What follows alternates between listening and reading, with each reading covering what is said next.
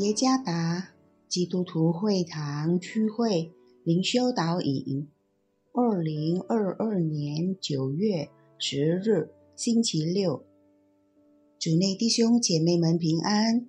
今天的灵修导引，我们要接着圣经《使徒行传》十七章第一到第三节来思想今天的主题：传讲耶稣。作者。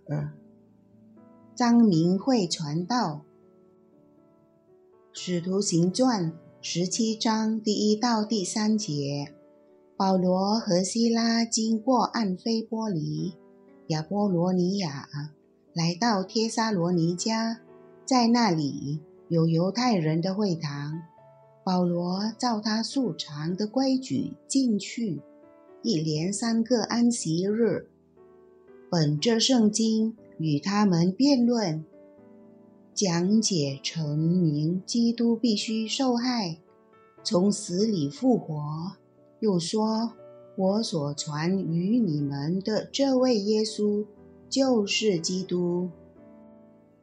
没有基督的基督教，是麦克和顿写的一本书。在这书中，麦克和顿诉说。”今天，许多基督教讲坛不再是传讲基督，而是在传讲个人的经历、动机和祝福。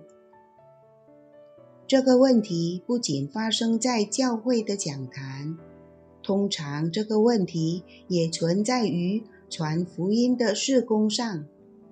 传福音时传达的信息是以启发。不知之福和个人经历为主，许多人相信，并不是因为他们意识到自己有罪以及需要上帝的赦免，而他们所以相信，是因为能得医治、得祝福和他们挣扎有出路的承诺。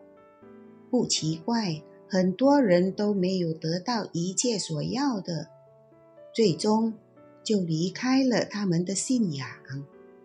这并不是意味着我们不应该谈起上帝的能力，能医治和帮助信他的人，但这不是我们传福音时要传达的主要信息。主要的信息乃是。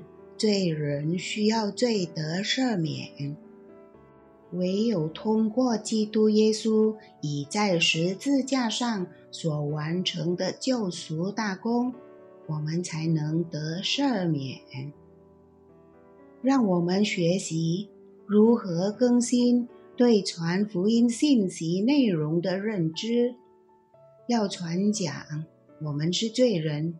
是理当受惩罚和灭亡的，但因这上帝的大爱，他要拯救我们，借着耶稣基督死在十字架上来救赎我们这些罪人，叫一切信他的不至灭亡，反得永生。